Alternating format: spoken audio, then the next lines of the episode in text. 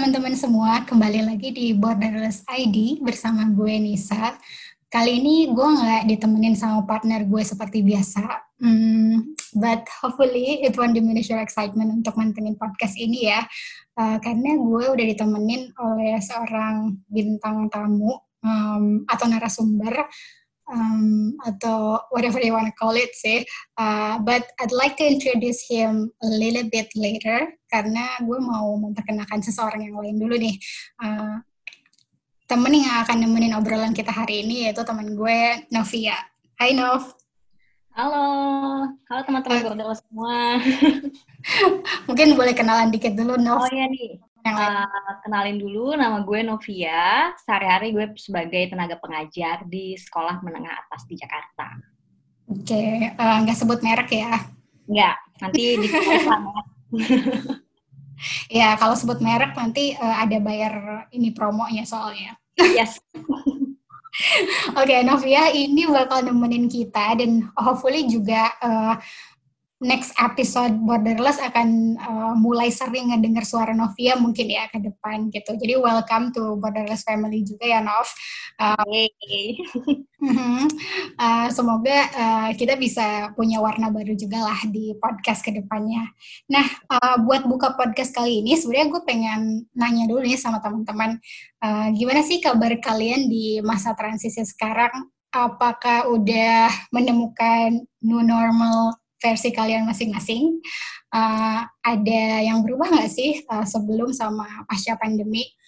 Hmm, I bet there's a lot mungkin ya that was change. Uh, ada yang harus adjust cara kerja, harus adjust kebiasaan makan, mungkin yang biasanya makan di luar sekarang makannya di rumah, kebiasaan ngopi, nongkrong, olahraga. Um, mungkin almost every aspect of our lives were impacted perhaps ya.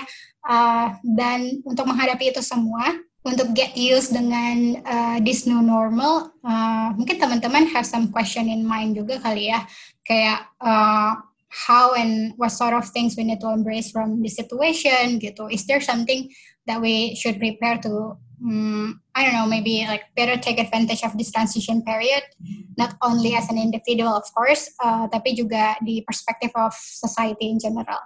Nah, untuk bahas itu, Borderless ID kali ini uh, beruntung banget dapat kesempatan untuk ngobrol langsung sama Program Director of Rare Indonesia, sebuah organisasi yang fokus untuk kegiatan di behavioral science atau ilmu perubahan perilaku, uh, terutama di dunia konservasi dan pembangunan.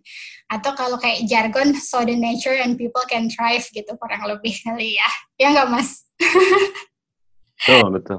Oke, okay, ini dia Mas Harikus Hardanto. Welcome to our podcast, Mas. Halo, Bodeles Podcast uh, Mania. Panggilnya apa? Mania atau Nista? Bode, Bodeles Nista. Kita nggak punya nggak punya nama nih sayangnya, tapi bagus juga nih uh, Mas Hari ngingetin. Mungkin besok-besok kita perlu apa ini ya nama khusus buat pendengar Borderless kali ya. Iya. Jadi ya dong, biar, biar, biar, biar catchy. Uh, biar catchy iya. Oke, okay. gimana nih Mas kabar ya? Masih betah di rumah? Baik, kalau ditanya betah sebetulnya sudah jenuh juga karena setiap hari uh, ruang geraknya itu itu aja. iya sih ya. Uh, sekarang kiri uh, lihatnya itu itu lagi gitu ya. Mm -mm. Um, nah, mungkin bisa cerita dulu dikit nih Mas, uh, aktivitasnya sebagai program director di RARE itu sekarang seperti apa, terus uh, banyak berkecimpung uh, di dunia apa selama ini, atau kalau mau cerita dikit soal organisasinya juga boleh sih Mas, kita kasih ruang buat promo. Uh, nanti ada billnya sih tapi. Oke, okay, aku uh, cerita sedikit mengenai uh, RARE ini ya. Jadi uh, RARE ini sebuah sebuah NGO uh, hmm. biasanya di Amerika. Tapi uniknya adalah um, setahu sih sejauh ini hanya Rare itu yang punya niche-nya itu di behavior uh, change.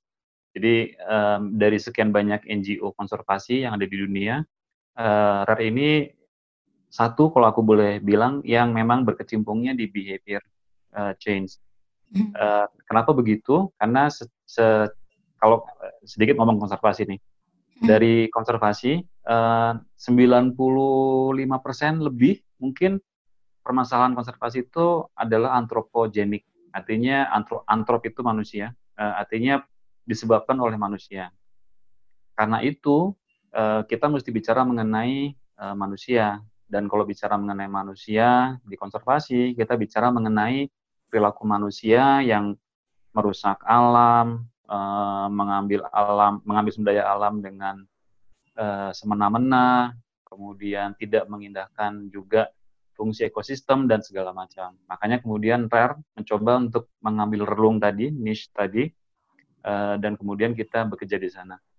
Saat ini yang kita fokuskan itu adalah sebetulnya sektor perikanan. Jadi uh, memang RARE nggak nggak kelihatan di kota-kota besar uh, karena kita memang bekerjanya di sektor perikanan skala kecil dan kemudian hmm. kita fokus areanya pun juga itu hanya beberapa saat ini. Yang yang jelas satu itu ada di uh, Sulawesi Tenggara, hmm. kemudian di uh, Papua Barat dan kita sedang menjajaki masuk ke Sulawesi uh, Utara. Hmm. Kenapa kita mengambilnya di daerah timur? Karena pertimbangan banyak nelayan skala kecil itu ada di daerah timur juga. Kemudian yang kedua, karena sumber daya alamnya masih bisa kita uh, perbaiki dalam waktu singkat, masih banyak yang ya, yang baik. Kalau dibandingkan kayak misalnya di Laut Utara Jawa yang sudah sangat crowded dengan uh, permasalahan maupun juga jumlah nelayannya.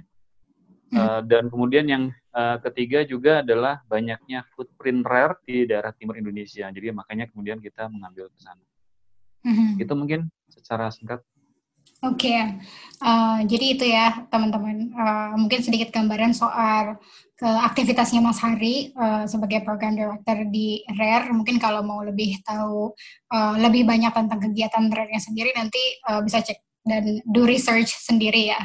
Uh, tapi yeah. plus um, yang menarik di sini adalah tadi sempat disinggung juga soal RARE ini adalah organisasi yang uh, fokus pada behavioral change juga. Nah, ini juga yang pengen kita bahas hari ini uh, kaitannya dengan uh, apa yang sedang kita hadapi dengan era menuju new normal gitu ya. Meskipun ini kayak jargon yang sering diulang-ulang, kayaknya beberapa saat terakhir semoga teman-teman belum keburu uh, apa ya, udah kayak ah gitu apa sih ngomongin new normal uh, terus gitu ya.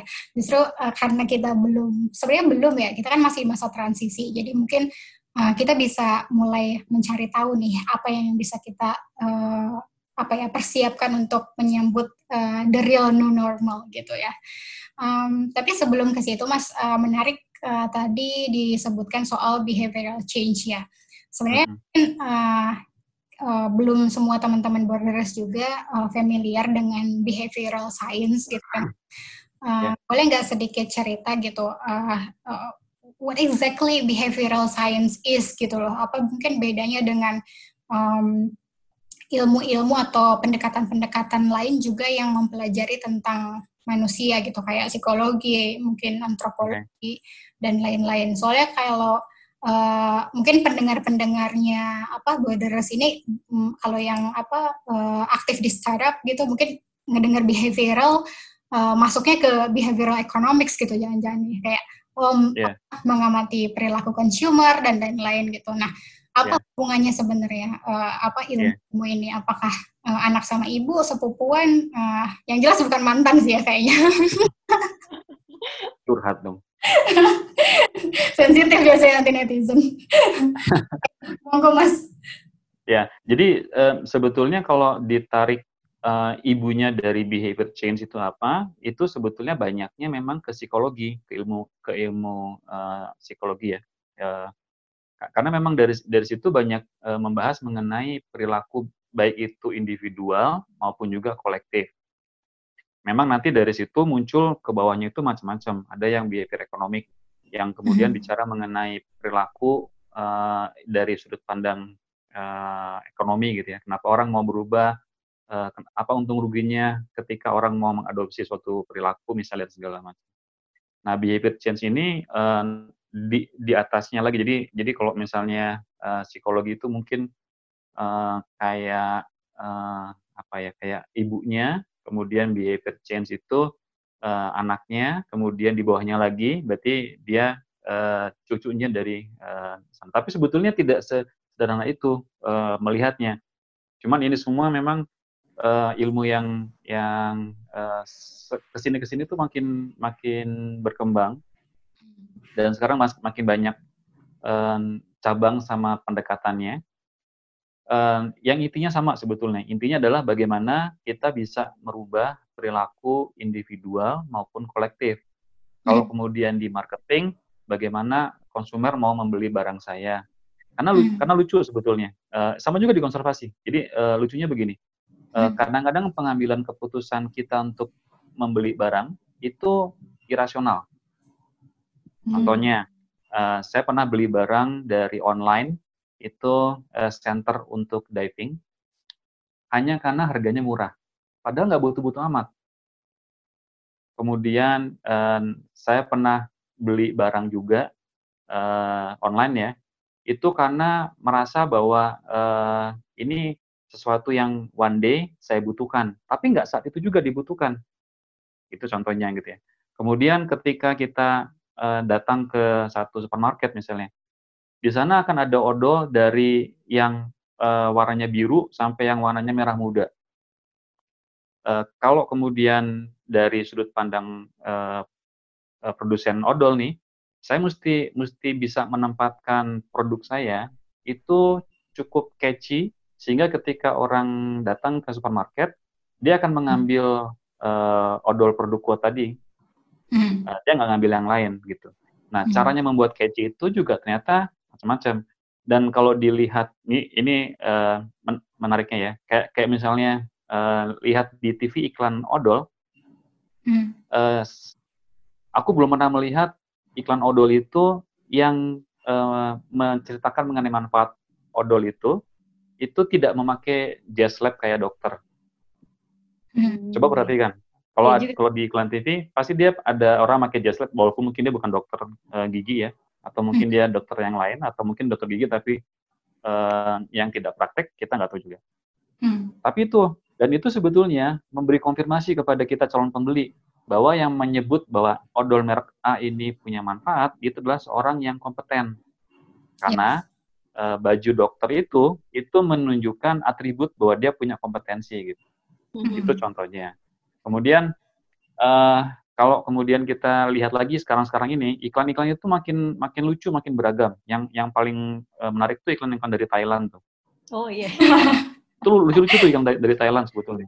Ya kan? Coba lihat di, ya? di YouTube. Hah? Kalau nonton iklan Thailand itu tuh kayak membangkitkan rasa emosi kita juga gitu. Betul. Nah, emosi ya? itu, itu kuncinya sebetulnya. Jadi ba banyak pengambilan keputusan itu dari dari emosi karena yang irasional. Jadi eh, kalau orang bilang eh, saya mengambil barang ini karena dia lebih murah misalnya gitu, ternyata enggak juga. Jadi ada konsumen itu yang ngambil barang walaupun harganya mahal, tapi dia bilang mungkin ya di dalam hatinya dia bilang saya suka ketika si A pakai ini mengiklankan di TV misalnya gitu. Jadi ada banyak banyak banyak irasionalitas yang muncul dalam pengambilan keputusan. Hmm. Nah, itu yang sayangnya, makanya kemudian ada banyak ilmu yang me me membedahnya. Karena uh, kemudian orang mengambil mengambil secara sederhana, uh, wah uh, supaya orang mau berubah, uh, murahkan aja harganya. Padahal enggak juga. Uh, aku cerita lagi satu nih. Uh, tahu Toyota mobil Kijang kotak dulu tahun uh, 80-an mungkin. Hmm. Atau uh, Novia udah lahir belum tuh tahun segitu. Jadi uh, pernah lihat. Pernah lihat ya? Uh, Kijang kotak itu, itu lucu ceritanya. Jadi waktu produk itu dikeluarkan dengan harga murah, itu orang banyak yang nggak mau beli. Apalagi dengan kemudian mengiklankannya sebagai mobil rakyat gitu ya, itu orang nggak mau beli. Karena orang waktu pada pada zaman-zaman itu, itu mengasosiasikan yang namanya mobil itu dengan status. Yes. Kalau mobil kemudian harganya murah dan dibilangnya mobil rakyat, wah saya bukan orang kaya nih gitu. Saya statusnya masih tetap rakyat juga gitu. Kemudian di dimodifikasilah iklannya dan juga nama kijangnya. Kijang kijang menjadi mobil mobil keluarga gitu ya, bukan mobil mobil rakyat. Kemudian di sedikit dimodifikasi dan dinaikkan harganya. Ketika harganya naik, orang malah berbondong-bondong beli mobil kijang itu. Itu cerita uh, apa namanya kijang gitu ya. Hmm. Cerita lain lagi uh, di UK nih uh, uh, Nisa pernah di UK juga nih kan.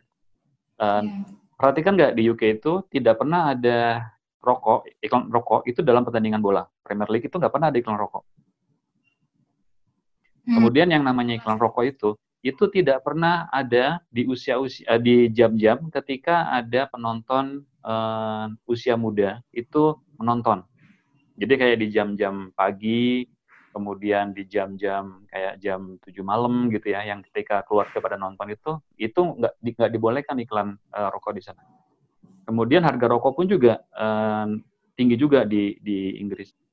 Uh, itu bukan bukan bukan suatu yang tidak direncanakan, itu direncanakan karena um, mereka melihat bahwa usia mula perokok itu ternyata uh, uh, mudah sekali di sana. Belasan tahun orang sudah merokok gitu.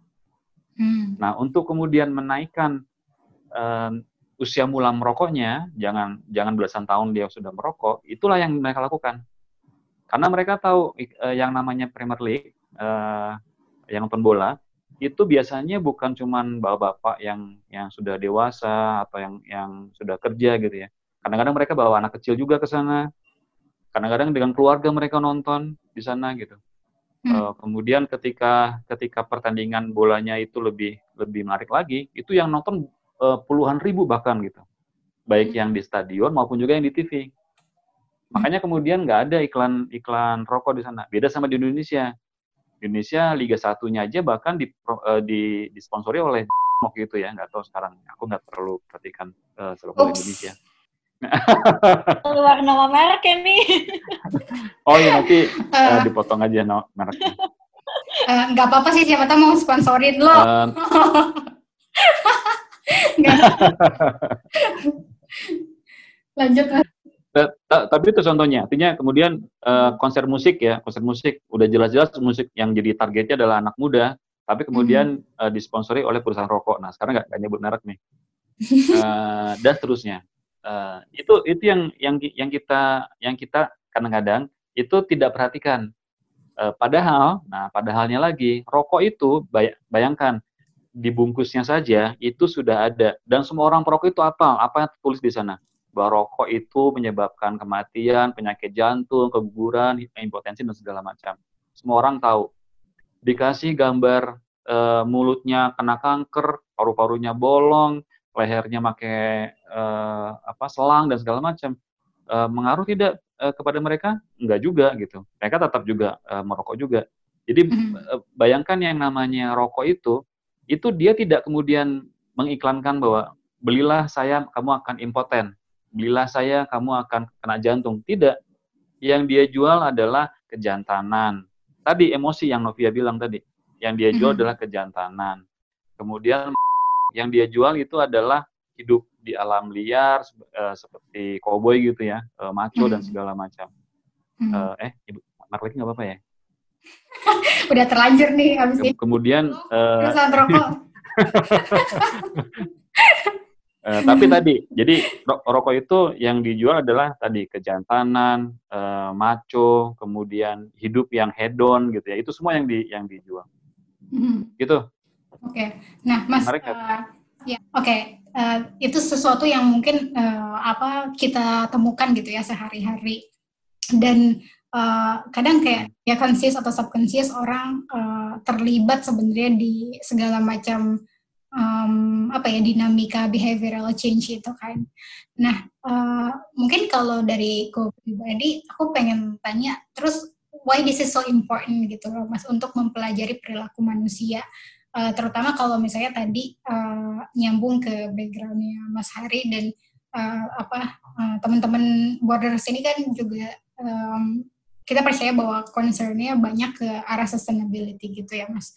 Nah um, apa sih yang sebenarnya bisa ditawarkan dari behavioral science atau um, gimana cara approach atau metode tertentu yang bisa digunakan dari behavioral change ini untuk menjawab permasalahan-permasalahan kita misalnya kayak permasalahan pembangunan atau mungkin uh, kalau Mas Hari apa selama ini terlibat di konservasi gimana juga penerapan itu di konservasi gitu atau uh, in general untuk mengubah uh, perilaku manusia itu biasanya gimana sih approach-nya gitu? Oke. Okay. uh, aku ngambil contoh dan dan mungkin uh, karena tadi juga Nisa udah udah bilang juga mengenai new normal ya. Nanti beberapa aku mm-hmm. akan tarik juga ke beberapa contoh yang bisa diaplikasikan ke sana. Mm-hmm. Aku ambil mengenai climate change, uh, perubahan iklim.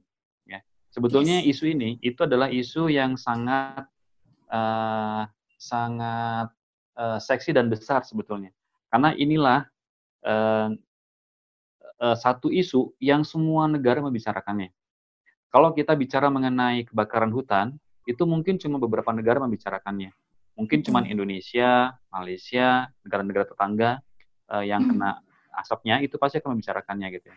Yang lainnya mungkin ya cuma teriak-teriak aja Indonesia mana nih uh, upaya pelindungan hutannya misalnya gitu. Mm-hmm. Tapi yang namanya climate change itu yang saat ini uh, dibicarakan sama semua negara di dunia, uh, nggak ada yang nggak membicarakannya. Bahkan ada negara-negara kecil di Pasifik yang dia sudah sudah khawatir karena beberapa tahun ke depan dia akan tenggelam. Tapi upaya untuk kemudian mengurangi uh, upaya mitigasi ya, mengurangi uh, emisi CO2 dan juga upaya adaptasi itu sepertinya sangat kecil. Ya. Kenapa kayak gitu? Yang pertama, uh, masyarakat atau kita itu tidak tahu apa sih sebetulnya yang bisa kita kontribusikan untuk mengurangi climate change semua orang bicara, banyak sekali yang kemudian uh, uh, bilang gitu ya, jangan uh, ganti fosil fuel, kemudian uh, kurangi penggunaan uh, kayu misalnya gitu ya, uh, jangan tebang hutan dan segala macam. Tapi untuk orang kota kan jadi nggak relate banget. Uh, gimana caranya saya yang sudah di kota ini untuk kemudian uh, bisa berkontribusi Padahal kalau kemudian kita bisa berkontribusi satu rumah tangga, itu satu juta rumah tangga itu bisa besar sekali uh, kontribusinya. Contohnya yang yang tidak disadari oleh kita, misalnya adalah mematikan lampu list, uh, lampu kamar atau kamar uh, atau rumah gitu ya, ketika nggak dibutuhkan. Hmm. Itu uh, belum menjadi habit banyak orang sebetulnya. Bahkan ada orang-orang yang kemudian tidur pun juga lampunya nyala. Yeah. Ya. Uh, kenapa itu itu uh, berkontribusi kepada climate change, sebagian besar, uh, apalagi di Indonesia nih, uh, kita itu masih menggunakan uh, sumber daya itu dari yang non renewable. Hmm. Uh, mungkin beberapa kota besar menggunakan seperti PLTA gitu ya. Tapi bayangkan sekarang PLTA itu supaya kemudian uh, dia bisa bisa uh, punya daya yang besar melistriki rumah-rumah, dia mesti dia mesti uh, punya area luas untuk menampung airnya. Artinya lagi kemudian kalau kita bicara mengenai uh, kawasan, ada kawasan-kawasan yang mungkin tadinya hutan itu mesti dihilangkan juga. Artinya uh, ada ada biaya juga yang kita kita apa mesti keluarkan gitu ya. Dan itu yang yang kemudian uh, terjadi. Padahal kalau kita berkontribusi kecil tadi, itu kita bisa kecil-kecil kita membantu untuk mengurangi uh, emisi. Mm-hmm. Sama dengan uh, new normal tadi. New normal itu banyak banget yang kita mesti kerjakan. Pakai masker, kemudian ukur ukur suhu, cuci tangan, karantina, self uh, self quarantine gitu ya. Kemudian uh, ganti baju dan segala macam. Padahal yang namanya manusia itu dia punya keterbatasan untuk mengingat apa yang harus dia kerjakan. Mungkin paling banyak 5 sampai 6 dia ingat. Tapi kalau sudah sedemikian banyak yang di, yang diminta untuk dikerjakan, dia akan bingung mana duluan yang mesti saya kerjakan. Makanya kalau diperhatikan beberapa kepala daerah eh, nggak nyebut merek nih, beberapa kepala daerah itu dia menspesifikkan apa sih yang sebetulnya diminta. Contohnya adalah pakai masker, kemudian jangan berkerumun, cuci tangan, udah tiga itu aja. Itu sebetulnya efektif.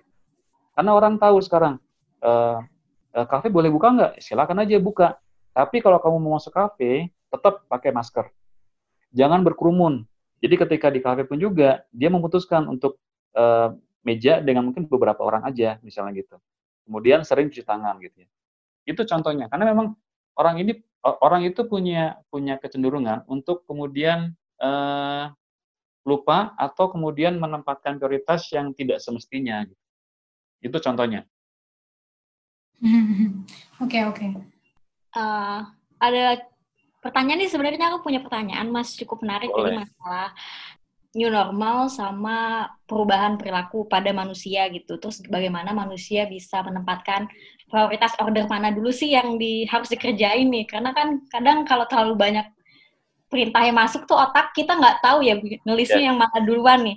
Nah, yeah. Ya. uh, ngelihat fenomena transisi ke new normal sekarang, uh, aku tuh jadi kepikiran apakah uh, untuk bisa berubah perilaku manusia ke arah yang lebih baik, ke arah yang lebih mungkin lebih ramah terhadap lingkungan juga, kita harus kena uh, istilahnya kayak kena musibah atau bencana dulu gitu. Apakah memang kita nggak bisa secara sadar dan keinginan penuh untuk berubah gitu, Mas? Jadi, uh, Nov, ada uh, teori perubahan perilaku itu yang dia berdasarkan kepada uh, dampak kesehatan. Jadi kalau kita bicara teori perilaku itu ada beberapa ya. Jadi ada yang ada yang social health uh, behavior dan segala macam. Tapi ada yang yang bicara tadi dari dampak uh, uh, kesehatan. Dan sebetulnya bicara mengenai dampak itu memang satu cara yang efektif untuk merubah perilaku.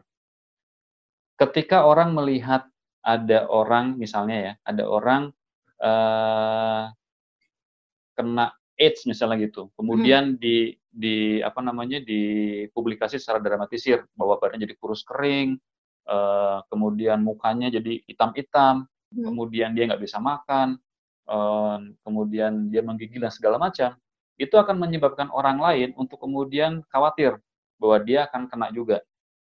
Kemudian dia akan berubah perilakunya. Itu memang bisa terjadi kayak begitu. Uh, kalau untuk yang uh, COVID ini, sebetulnya kalau kita bicara, makanya ini sebetulnya yang yang membuat bingung juga di di mana-mana di semua negara sebetulnya. Kalau dari dari jumlah yang meninggalnya, secara persentase itu kan kecil sebetulnya, 5,6 persen. Iya, iya. Ya.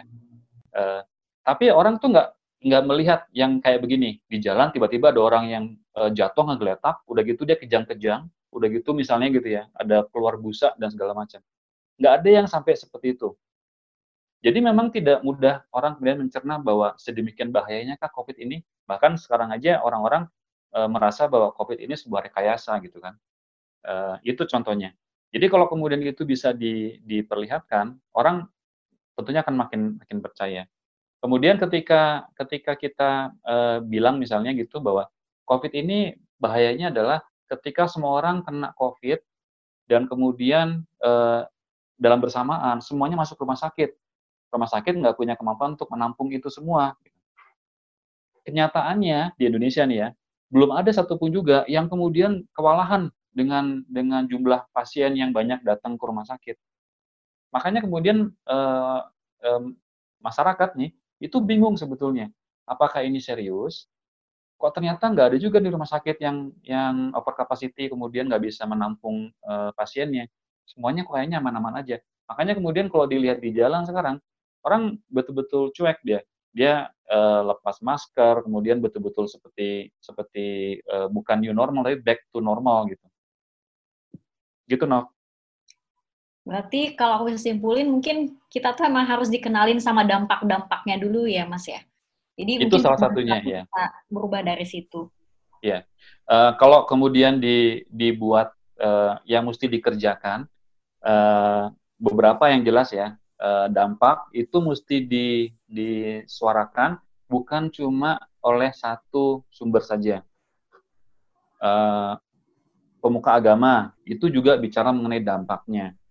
Yang terjadi ketika pemerintah bilang dampaknya A, pemuka agama bilang masa orang mau ibadah dilarang. Itu yang kemudian bikin bingung orang juga. Ya, itu iya, contohnya. Kemudian ketika uh, contoh lagi nih, ketika yang satu bilang mudik dilarang, Kemudian satu lagi bilang, mudik sih boleh aja, asal bawa surat, misalnya gitu. Itu juga bikin kebingungan juga. Jadi kalau kemudian mau di list beberapa yang kita mesti kerjakan adalah informasi itu mesti konsisten. Kalau memang kemudian boleh, uh, ya boleh gitu. Tapi, nah, tapinya itu yang kemudian dijelaskan. Misalnya boleh mudik, tapi ini syaratnya gitu ya. Itu contoh yang satu.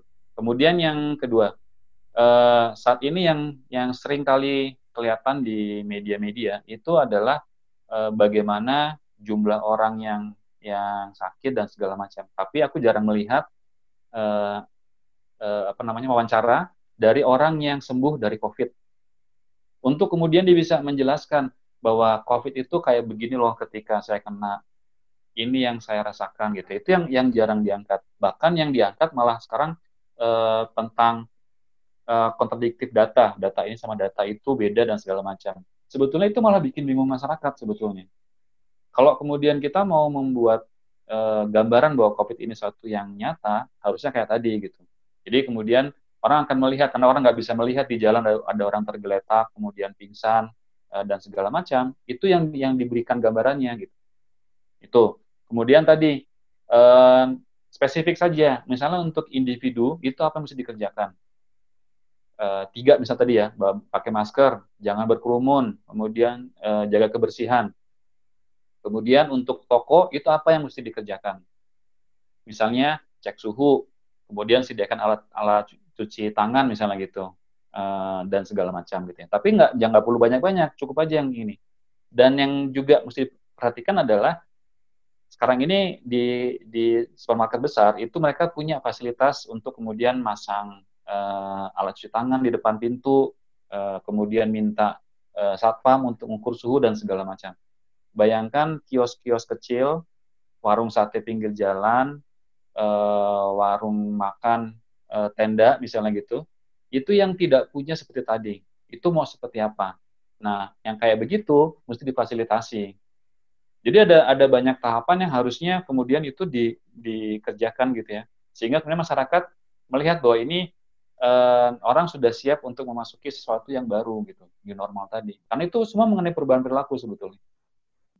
Ya, menarik sih sebenarnya. Um, tadi uh, sempat dibahas juga kalau uh, Novia bilang berarti kita harus benar-benar ngerasain dampaknya dulu ya buat berubah gitu. Tapi uh, kalau ngelihat case Indonesia bahkan udah ada dampaknya depan mata juga belum tentu berubah gitu ya. Bener-bener juga sih Nisa. Karena yeah. pendekatan perilaku kayak gini tuh nggak bisa general ya, memang harus dilihat dari lingkungan manusianya sendiri, lalu yeah. budaya manusianya juga gitu. Ya. Yeah. Nah, mm. uh, makanya kemudian ada ada tambahan lain lagi yang itu mesti in place. Yang pertama adalah law enforcement.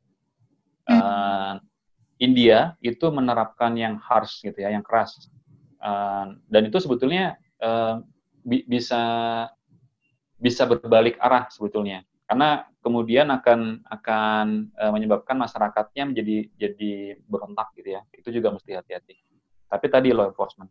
Kemudian yang uh, kedua itu adalah reminder. Reminder itu bisa macam-macam.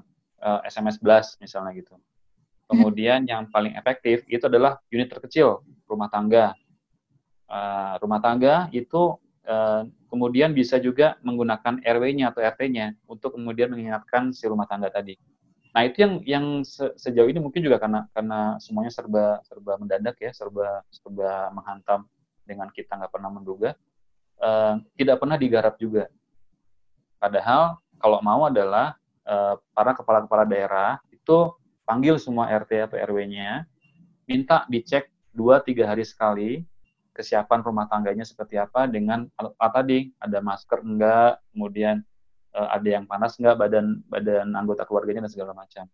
Jadi ada ada banyak sistem yang harusnya di set sehingga kemudian orang itu merasa bahwa kalau saya misalnya gitu ya, kalau saya nggak pakai masker, itu saya menjadi orang yang aneh di lingkungan. Kalau sekarang malah malah masih banyak yang kebalikannya pakai masker itu menjadi uh, dia ngerasa bahwa ini malah uh, bikin ribet gitu. Jadi itu yang yang mesti dikerjakan. Ya, uh, yang tadi disebut juga sih sama Novia, uh, kalau semua mungkin harus disesuaikan sama konteksnya juga ya. Mungkin akan jadi lebih challenging uh, di case Indonesia karena banyak juga sistem-sistem yang sebelumnya mungkin belum established atau belum sebaik itu establishnya gitu ya.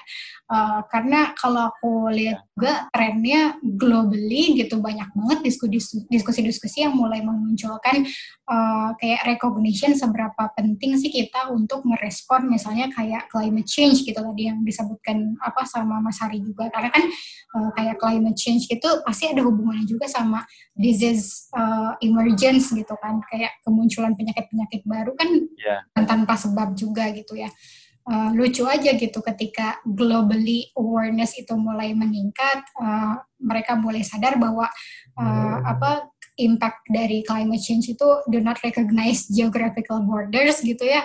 Uh, sementara di Indonesia kita masih uh, apa di diskusi kayak ah enggak ini konspirasi nih gitu kan. Uh, ya misalnya Bill Gates bikin video nih kemarin. Kok bisa ya gitu berapa tahun kemudian muncul gitu.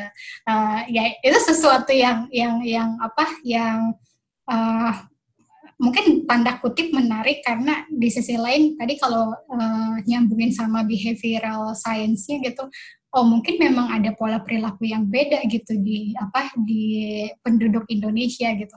Yang uh, aku pengen oh, anomali gitu ya. Yes betul. Yang aku mau yang aku mau apa uh, angkat sebenarnya aku tiba-tiba kepikiran aja sih uh, beberapa saat lalu kayak temanku sempat bilang iya kita tuh emang uh, masyarakat itu tuh nggak percaya sama yang namanya saintis gitu. Um, meskipun mungkin trennya akan berubah ya setelah pandemi ini semoga amin. Tapi uh, kayak yang yang yang muncul adalah kayak uh, mereka percaya pada Uh, meskipun kita nggak bisa uh, completely bilang itu salah ya, uh, who knows mungkin kayak memang ada local local wisdom yang uh, lebih bisa diterima sama masyarakat gitu. Mereka lebih percaya misalnya, uh, oh kalau ini pamali gitu, oh kalau itu nggak uh, boleh gitu. Uh, kalau menurutku sebenarnya uh, itu sesuatu yang yang yang bisa kita manfaatin juga, jangan jangan-jangan gitu, karena uh, instead of memaksakan uh, langsung misalnya berubah karena datanya mengatakan demikian, kita harus berubah demikian gitu. Karena mungkin nggak semua orang uh, bisa mencerna hal yang sama untuk berubah gitu. Uh, itu cuman apa ya uh, pops up aja sih tiba-tiba karena kemarin-kemarin temanku pernah bilang kayak ya orang Indonesia mungkin lebih percaya sama uh, sesuatu yang sifatnya uh, kalau dibilangin tradisi nggak boleh ya nggak boleh gitu. Mereka lebih ini makanya mungkin tahap mitos Ya betul, jokes yang uh, kemarin katanya uh, sempat viral juga sampai ke Korea kalau kita buat uh, eh di luar kan lockdown, di sini kayak bikinnya yang pocong-pocongan gitu.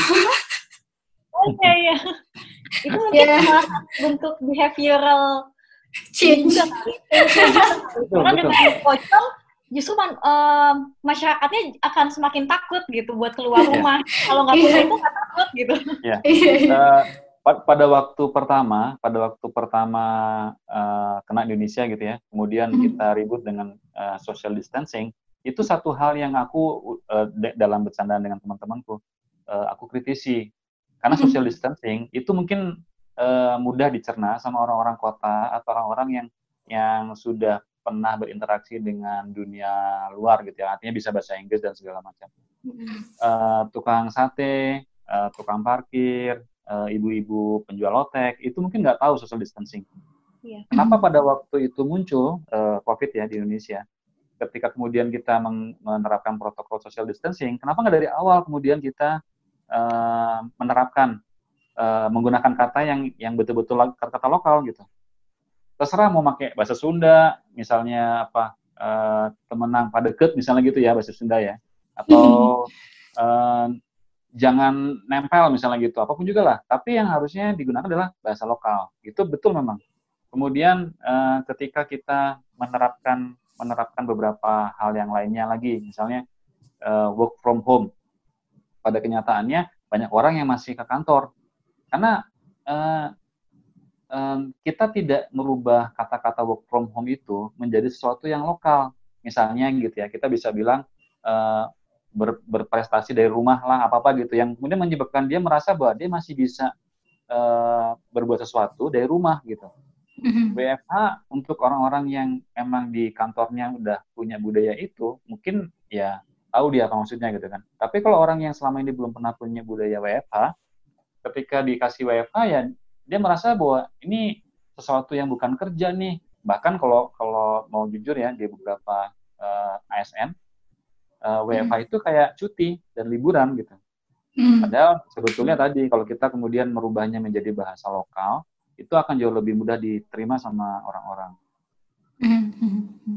Nah, uh, tapi uh, aku meskipun sebenarnya personally aku agak pesimis ya mas cuman uh, aku cuma pengen tahu aja sih kalau dari perspektif uh, Mas Hari gitu apalagi kan Mas Hari aktif banyak juga di kegiatan konservasi gitu ya karena kan diskusi uh, belakangan itu banyak juga yang bilang kalau oh maybe this is uh, apa kayak kesempatan kita gitu untuk uh, memulai sesuatu yang baru yang lebih baik gitu.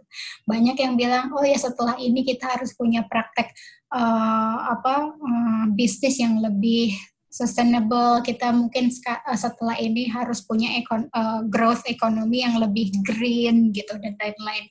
Um, tapi sebetulnya kalau mas dari pengamatan Mas Hari ya, uh, ada nggak sih arah untuk ke sana gitu? Bahwa kita akan punya solidaritas kolektif gitu untuk bisa dealing dengan mungkin the next planetary crisis gitu. Bukan cuma pandemi aja uh, who knows gitu. Ya bisa jadi yang tadi Mas Hari bilang kayak bentuknya yang lebih uh, besar dari ini. Mungkin kayak tadi climate change atau hal-hal uh, lain kayak gitu. Uh, apa sih sebenarnya yang misalnya titik di mana kita mungkin akan mm, berangkat ke arah situ tuh bukan kapan ya kalau kapan jawabannya nanti jadi apa harus ngawang-ngawang gitu kan. Tapi kayak apa sih momentum yang sebenarnya harus dibangun kayak gitu supaya kita punya realisasi ke situ? Uh, yang sudah pasti yang harusnya dibangun itu adalah sosial kapital kita. Jadi mm-hmm. uh, kesadaran kolektif dan juga uh, saling uh, mendukung ya uh, itu yang harusnya ini jadi momen harusnya ya. Nanti uh, diskusi uh, apa namanya kenapa kemudian kok kayaknya itu nggak nggak terjadi bisa lain waktu. Tapi harusnya ini bisa kita bangun. Artinya um, orang makin erat kemudian makin sadar semuanya bahwa ini mesti dikerjakan secara kolektif. Kemudian orang juga punya uh, kesamaan tujuan bahwa kita mau uh, melangkah uh, apakah ini akan merubah kepada kebijakan uh, swasta maupun juga uh, pemerintah uh, dalam berekonomi, aku sih ragu terus terang aja. Hmm. Uh, unless ada uh, dorongan yang sangat kuat itu untuk kemudian kita berubah. Tapi sebetulnya, sebetulnya ya, uh, kalau dilihat sekarang uh, dengan adanya COVID itu sudah menurunkan emisi CO2 itu sangat tinggi. Traveling itu sekarang jauh lebih rendah dibandingkan sebelum ada COVID. Yang namanya perjalanan uh, luar negeri itu jauh lebih rendah dibandingkan uh, adanya COVID. Yang namanya belanja itu sekarang orang uh, yang online itu lebih tinggi dibandingkan uh, orang pergi ke ke mall gitu. Hmm. Yang itu sebetulnya kalau dilihat orang pergi ke mall pakai kendaraan bahan bakar dibakar dan segala macam mengurangi juga emisi uh, CO2. Tapi apakah ini akan menjadi uh, kebiasaan? Kalau ini berjalan sampai sampai enam bulan, mungkin iya, mungkin. Ya. Tapi kalau kalau kita terlalu longgar, uh, mungkin orang akan kembali lagi kepada normal yang sebelum COVID. Uh, orang akan kemudian tidak lagi belanja online, tapi belanjanya ke mall lagi gitu. Nah, mm. uh, kalau kemudian kita gunakan waktunya agak lebih lama, sekalian juga kita membiasakan uh, perilaku baru, mungkin akan merubah semuanya. Sekarang aja Eh, lembaga-lembaga uh, internasional itu kan juga sudah membiasakan loh tanda petik ya conference uh, online. Hmm. Kemudian uh, walaupun memang tantangannya adalah dengan waktu karena uh, sekian banyak negara di dunia waktu berbeda-beda uh, itu akan jadi tantangan juga ya. Tapi sebetulnya itu itu satu hal yang bisa di, diatasi lah. Hmm. Uh, itu bisa mengurangin tadi uh, emisi CO2 sangat uh, besar sekali sebetulnya. Nah, kalau kemudian ini menjadi menjadi uh, gaya hidup baru, mudah-mudahan memang akan menjadi baik. Karena sekarang saja selama tiga bulan kita kita uh, tidak beraktivitas, kemudian seolah-olah kita tidak juga kemudian mengekstraksi sumber daya alam. Laporan teman-teman bahwa di di Kendari sekarang banyak orang lihat lumba-lumba lagi, kemudian hmm. di uh, Pelabuhan Ratu juga banyak lumba-lumba, ada paus hmm. di sana, ada hmm. kemudian beberapa satwa yang jarang kelihatan muncul lagi dan segala macam itu udah sudah dilaporkan gitu. Hmm. Jadi uh, alam ini hanya butuh waktu untuk untuk istirahat dan merecovery dirinya sendiri. Ya, semoga sih itu tapi dia jadiin bahan refleksi juga ya sama kita. Maksudnya uh, kayak tiba-tiba melihat uh, makhluk hidup yang kita udah jarang lihat gitu atau jangan iya. jauh deh kayak Jakarta tiba-tiba langitnya sempat biru itu kan kayak sempat rame banget gitu ya dan uh, ya meskipun apa mulai ada gitulah terlihat orang-orang yang kasih komentar wah mungkin kita emang harus dipaksa ya dengan adanya pandemi. Terus uh, kita jadi bisa lihat um, langit biru lagi gitu. Ya hopefully sih sebenarnya setelah itu nggak lupa diri lagi gitu ya. Kayak oh ya udahlah udah sempet lihat gitu. Langitnya udah sempet biru abis itu bye pakai mobil lagi. Gitu. itu tuh sekedar fenomena alam ya kalau gitu di Jakarta. Iya. Iya. Jangan sampai itu cuma jadi arah gitu kan. Iya iya. Iya. Ya. berulang uh, gitu kan Ya, ta ta tapi tadi un untuk menjadikan ini sebagai new behavior itu butuh waktu dan dan juga butuh sistem pendukung uh, yang membuatnya menjadi perilaku baru. Uh, contohnya begini, uh, kalau kemudian setelah ini semua uh, terjadi, mall-mall itu bukanya dari jam 8 sampai jam 10 malam lagi, ya udah uh, orang akan balik lagi ke sana. Tapi kalau kemudian dijadikan uh, norma baru ya. Normanya adalah kalau sekarang kan uh, buka walaupun kayak misalnya uh, supermarket itu kan jam 10 sampai jam 6. Mm. Kemudian uh, mereka semua sekarang menyediakan layanan online juga. Nah, kalau kemudian setelah selesai ini semua, layanan online-nya ditutup, ya udah orang akan kembali lagi ke ke perilaku yang lama. Jadi pada hmm. saat mm. sebetulnya pada saat transisi ini semua menyiapkan sistemnya harusnya. Mm. Uh, uh, baik tadi ya misalnya belanja online dan segala macam. Karena sebe sebetulnya kalau kalau dari kacamata rumah tangga hmm. daripada bermacet-macetan untuk beli uh, belanja mingguan, memang lebih mudah untuk kemudian beli online. Hmm. Ya mungkin sekali-sekali ke keluar nggak apa-apa ya, tapi online itu lebih lebih lebih uh, apa namanya memudahkan sebetulnya. Uh. Makanya kemudian ketika uh, COVID ini uh, GoFood, Gojek, eh boleh dibenarkan nih? tolong ya sponsor kayaknya, sponsor. Kayaknya iya kayaknya tolong nih uh, Gojek dan segala macam yang disebutkan tadi segera ngirimin teh borderless nih. uh, tapi transaksi Amin. transaksi transaksi yang kayak begitu tuh um, uh, meningkat di di masa Covid gitu. Mm-hmm. Dan yep. dan itu tadi gitu. Artinya kalau kemudian semua semua apa namanya semua uh, mau menerapkan sistemnya, ya bisa lah mengurangi emisi CO2. Mm. Di, di lain juga kemudian tadi menginikan COVID, mencegah penyebaran. Jadi kita balik lagi ke kesadaran kolektif tadi ya Mas Hari ya. Betul, betul. Semuanya harus punya kesadaran yang sama, ada tujuan yang sama juga buat bikin new normal ini tuh jadi new betul. normal bukan back yeah. to old normal gitu. Iya. Yeah. Nah, uh, lucu lagi uh, kayak kemarin kasusnya uh, apa tuh selebriti yang sama dokter seleb juga ribut mengenai tadi sama dengan kayak yang si uh, Bill Gates ya. Uh, ada ada konspirasi dan segala macam. Uh, sebetulnya tidak berhenti di sana. Setelah itu sekarang aja orang jadi jadi mulai mulai yang tadinya yang tadinya nggak peduli ya sekarang jadi mulai percaya bahwa ini adalah sebuah konspirasi karena tadi sih yang, yang kayak begitu diberikan ruang untuk untuk e, menyebar ke mana-mana. Harusnya yang kayak begitu jangan dikasih ruang harusnya. Ya, ya benar-benar itu sama aja kayak kalau ibarat teman-teman pada nge-tweet nih, ada tweet yang misalnya kurang bagus gitulah kontennya, nggak usah dibalesin deh mendingan gitu. Jadi soalnya oh. balesin kita ngasih apa kayak uh, sarana buat dia semakin terkenal gitu. Jadi untuk konten-konten yang tidak baik, mending diabaikan aja lah, biar dia kelelap sendiri gitu ya. setuju, setuju, setuju. Iya, konten yang baik kayak borderless tolong ditambah. Uh, Promo dikit gak apa-apa lah ya. nah, um, aku mungkin punya concern terakhir sih. Um, tadi kan bahas gimana kayak oh ya uh, ini saatnya untuk punya uh, apa recognition kalau we need to abandon the old normal way of dealing with the global crisis gitu atau ya mungkin kayak immediate term uh, we need to adapt uh, tadi kalau bilang new atau mungkin better normal lah ya uh, buat uh, dealing dengan um, apa ya kehidupan di masa depan gitu. Nah, uh, aku sempat baca satu artikel sih mas. Ini uh, mungkin juga karena uh, aku ngeliat background uh, mas Hari di rare. Itu kan fokusnya uh, banyak juga di marine sama fisheries gitu ya. Dan seminggu yang lalu kita baru merayakan uh, World Ocean Day juga.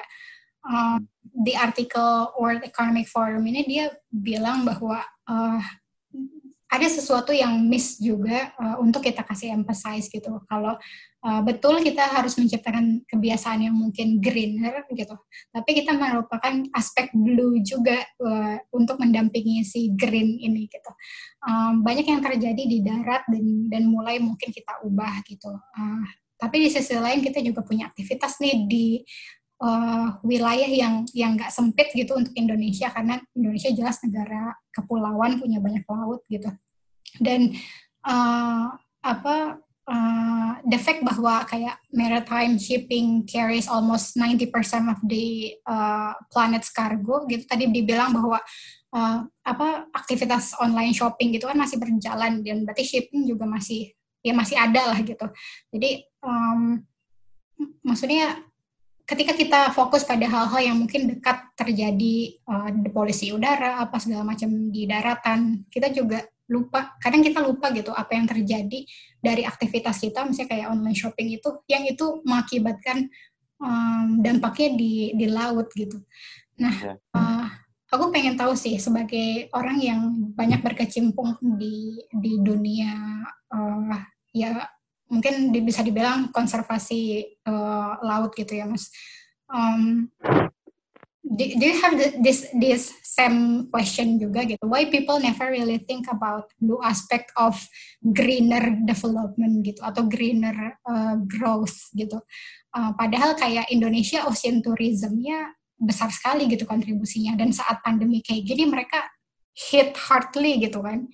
Nah, um, apakah uh, ini juga sebenarnya perlu jadi titik uh, balik kita untuk oh iya mungkin negara maritim atau apa itu namanya nenek moyangku seorang pelaut ini harusnya jangan cuma jadi jargon kali ya gitu. Atau uh, kayak ya aku pengen tahu aja sih kalau dari perspektif Mas Hari gitu. Uh, kenapa selama ini yang kita pikirkan adalah greener um, growth gitu why not also kayak bluer growth gitu. bluer, bener nggak sih istilahnya? uh, uh, kalau kalau kalau uh, kalau ditanya ya, uh, aku sebetulnya uh, tidak terlalu peduli sama jargon-jargon yang kayak begitu.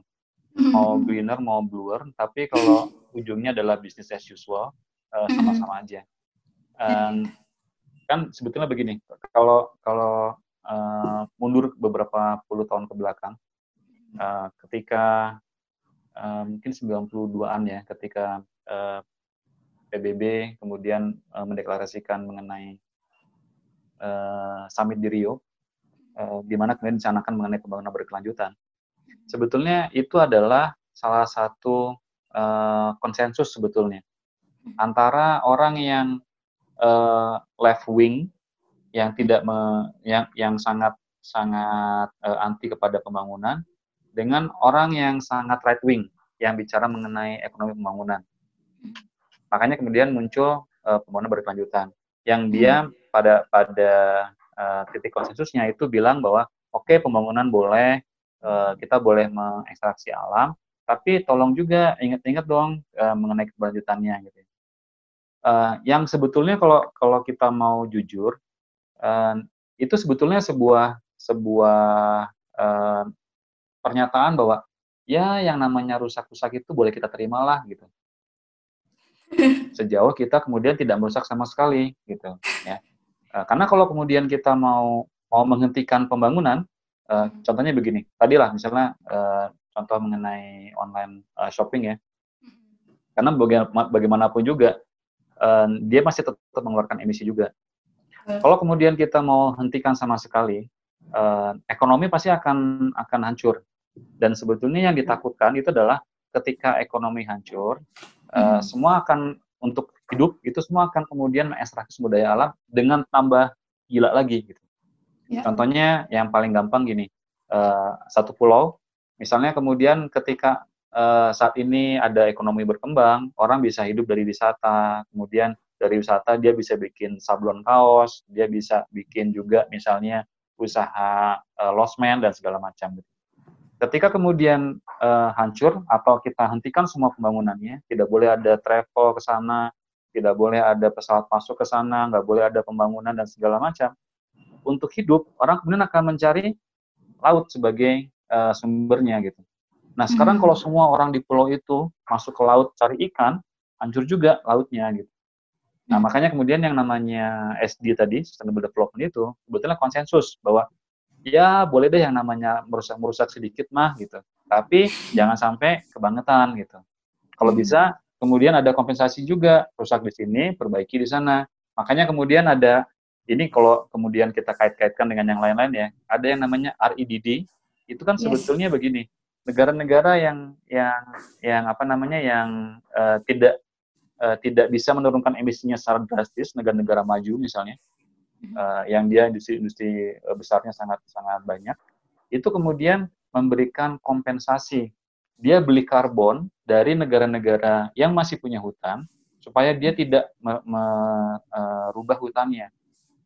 Kan itu yang terjadi sebetulnya. Jadi hmm. ya oke okay lah gitu. Ada emisi di sana, tapi kita jaga hutan di negara uh, berkembang nih misalnya gitu. Walaupun hmm. kemudian dari dari beberapa uh, pihak bilangnya harusnya negara berkembang itu punya hak yang sama juga untuk maju dulu, baru bicara mengenai seperti tadi gitu. Nah, itu ya, itu yang kemudian nanti akan muncul pada debat debat politik uh, lingkungan dan segala macam. Hmm. Tapi gitu nih. Ya.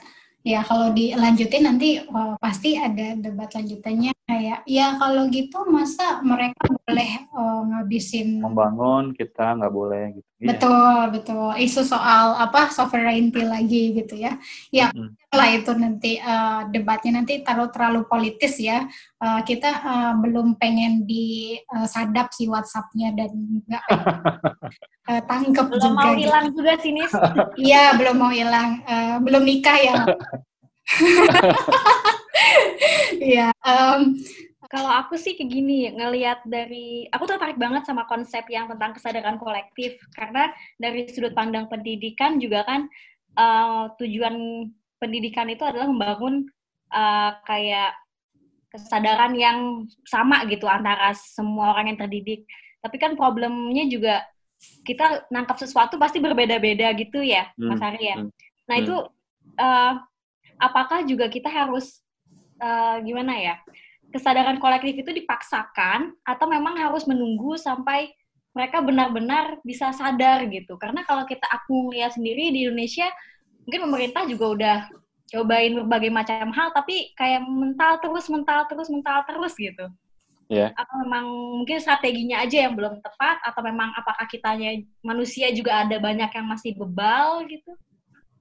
Uh, mau, mau kalau mau membangun kesadaran kolektif itu prosesnya memang lebih lebih panjang dibandingkan kesadaran individu. Uh, aku ambil contoh lagi nih. Uh, jadi uh, du dulu di di apa namanya di rumah ya, kita kan bisa bisa sampah sampah uh, basah sama sampah kering. Pada waktu awal-awal, uh, istriku bilang, uh, wah sama si bapak sampahnya digabungin lagi, percuma juga dipisah-pisah gitu. Nah, itu yang yang mesti kemudian kita educate lagi tuh si bapak uh, yang ngambil sampahnya. Kemudian kalau rantainya terus sampai ke TPA, di TPA itu semua digabungin lagi ternyata. Kalau kalau pernah ke TPA ya, mau mana pun juga, Bantar Gebang segala macam. Sekarang aja hmm. udah udah mulai nih ada ada pemisahan. Tapi itu yang terjadi sebetulnya. Jadi walaupun di di rumah tangga itu udah kita pisahkan, kalau kemudian si uh, apa namanya garbage collectornya itu tidak memisahkan juga percuma juga. Jadi sistem itu mesti dibangun semuanya. Dari unit terkecil sampai unit yang uh, besarnya. Itu contohnya. Kemudian kalau kita mau kesadaran kolektif uh, yang tadi lah kayak misalnya uh, tidak tidak uh, apa ya tidak menggunakan plastik misalnya gitu kalau kita mau konsisten itu dari dari produsennya pun juga itu kita mesti uh, mesti tekan juga. Artinya misalnya untuk perusahaan plastik itu dia akan kena pajak lingkungan yang besar karena dia memproduksi sesuatu yang akan punya dampak kepada lingkungan. Jadi kemudian kalau aku jadi perusahaan uh, produsen plastik nih, aku akan berpikir untuk kemudian merubah uh, usahaku. Entah kemudian teknologi, artinya uh, plastik yang yang bisa daur ulang cepat, atau yang lainnya gitu ya. Uh, itu yang akan mendorong mendorong aku untuk berubah. Tapi kalau kemudian cuma digembar-gemborkan uh, kurangi penggunaan plastik, tapi yang di sisi lainnya juga kita longgar juga, yang yang namanya kolektif uh, kesadaran tadi itu nggak akan muncul gitu. Jadi jadi kita kita akan hanya bicara omong kosong aja jadinya. Gitu Nov. Setuju setuju. Jadi meskipun kita sendiri udah bis udah misalnya secara individu sudah mulai berubah, tapi kalau tidak dibarengi dengan sistem pendukung tadi, ya akan tetap begitu ya, Mas ya. Kesadaran kolektifnya jadi susah tercapai ya. gitu. Nah, harusnya uh, apa tadi istilahnya? Uh, borderless nista yang ada di pemerintah, yang ada di mana-mana, itu yang yang tadi mulai mulai untuk menjadi uh, agen perubahan di tempatnya masing-masing. Betul. Kalau uh, ini ya ini contoh sederhana nih. Sekarang kan hmm. orang bilang uh, plastik degradable itu uh, sudah bisa sekarang dari singkong gitu ya, yeah. dari jagung, dari rumput laut dan segala macam. Uh, tapi kalau aku punya concern lagi nih, kalau kemudian orang bilang oke okay, kalau gitu sekarang kita butuh uh, singkong yang banyak supaya hmm. kita bisa bikin plastik uh, untuk kebutuhan sehari-hari misalnya Hmm. Kalau kemudian tidak uh, ada kebijakan tambahan lainnya, nanti yang namanya hutan semua diganti menjadi lahan singkong. Karena untuk kebutuhan plastik yang sedemikian banyak, yang sampai sekian juta ton misalnya gitu. Hmm. Ujung-ujungnya plastiknya berkurang, hutannya rusak juga gitu. Ya. Jadi tetap mesti mesti ada mesti ada kebijakan lain yang kemudian kemudian uh, ada turun yang kemudian kita buat supaya semuanya bisa berkelanjutan. Mm-hmm. Ya, ya, setuju, setuju, setuju. Dan bagus banget sih tadi uh, apa di mention soal plastik juga gitu. Um, uh, itu kan sama juga case-nya kayak biofuel gitu ya, kayak renewable atau nggak renewable, uh, ya tergantung prosesnya gimana gitu kan. Terus um, kalau tadi nyambung soal new normal, sebenarnya poin tentang plastik itu tadi bagus banget juga sih, karena uh, kan katanya selama pandemi penggunaan plastik jadi naik lagi ya, karena merasa yeah ya lebih aman gitu daripada mm-hmm. misalnya pakai kantong yang apa reusable gitu uh, takutnya ada virusnya gitu kan. Nah hal-hal kayak gitu mungkin ya harus dipikirin kalau ya untuk merubah sesuatu dalam jangka waktu panjang ya perlu sistem atau tadi Mas Hari sempat sebutin juga perlu ada law enforcementnya juga yang yang konsisten gitu kan. Uh, dan bisa mungkin disesuaikan dengan dinamika uh, kita ke depannya kayak apa gitu. Uh, Terlalu panjang, tapi mungkin kalau tadi apa concernnya Novia, gimana cara bikin kolektif kolektif awareness gitu, ya mungkin emang satu-satunya adalah ya kolektif effort juga gitu. Ya, yeah, kolektif effort, kemudian kolektif system, kolektif uh, reminder. Uh, jadi yang yang namanya reminder itu bukan cuma teman-teman yang nge-remind, tapi juga uh, contohnya gini nih, uh, aku sering kasih contoh ya Uh, misalnya kan kita uh, kesel kalau ada ada orang rokok itu hmm. di uh, ruang ber AC misalnya gitu. Uh, kalau teman itu kita bisa mengingatkan. Tapi bayangkan kalau kemudian bos atau ini uh, ada nggak nih uh, border modernista ini yang yang jadi ASN. Kalau misalnya uh, dirjen gitu ya yang rokok di ruangan ber AC, uh, biasanya yang lainnya pada diem-diem aja tuh, nggak ada yang oh, iya. ya. Nah, yeah. nah yang kayak gitu kayak gitu yang harusnya uh, juga mulai di, dirubah juga gitu. Jadi kalau kita mau betul-betul uh, tadi uh, merubah perilaku secara kolektif, semuanya itu mesti jadi reminder juga.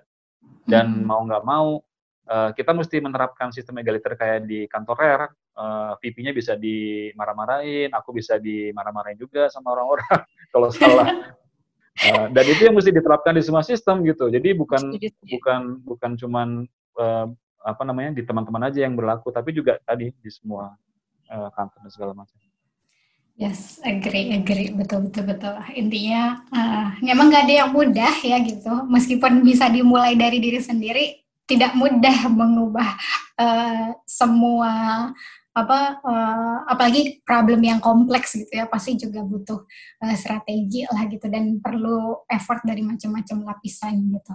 Tapi ya uh, as always sih sebenarnya kita selalu punya waktu yang terbatas sayangnya nih untuk unpacking semuanya. Meskipun ini kalau dilanjutin mungkin masih bisa uh, banyak turunannya. Tapi semoga percakapan kita hari ini uh, sedikit buka wawasan uh, kita teman-teman borderless untuk uh, lebih paham tentang tadi behavioral change terus juga gimana ke depan di era new normal kita mungkin harus mencoba membiasakan atau membangun uh, behavior behavior kebiasaan-kebiasaan yang yang lebih baik gitu. Uh, bukan cuma buat uh, kita pribadi tapi juga buat kelangsungan uh, orang banyak dan ya uh, a better normal for this planet juga mungkin gitu. Karena kayaknya that's the whole point of having a, uh, a new chapter gitu kan. Untuk welcoming new uh, apa ya mungkin aku bilang kayak uh, kesempatan baru gitu. Uh, untuk kita bisa menciptakan hal-hal yang baru juga. Tentu bukan cuma baru tapi lebih baik. Jadi mungkin uh, not necessarily new normal aja tapi kayak ya mungkin better normal juga ya semoga Amin. Amin. Ya, nah, tanpa mengesampingkan segala macam yang masih harus kita lakukan selama masa transisi sekarang, ya semoga teman-teman punya uh, semangat dan attitude yang positif untuk menghadapi uh, masa pasca pandemi ke depan, new normal yang baru gitu. New normal yang baru barunya ada dua kali ya. intinya untuk menyambut normal yang baru gitu kita mungkin uh, perlu mempersiapkan diri juga gitu. Uh, semoga ini bisa jadi kesempatan baru untuk uh, punya chapter baru juga. Sampai di sini diskusi kita sampai ketemu di percakapan selanjutnya. Stay safe and well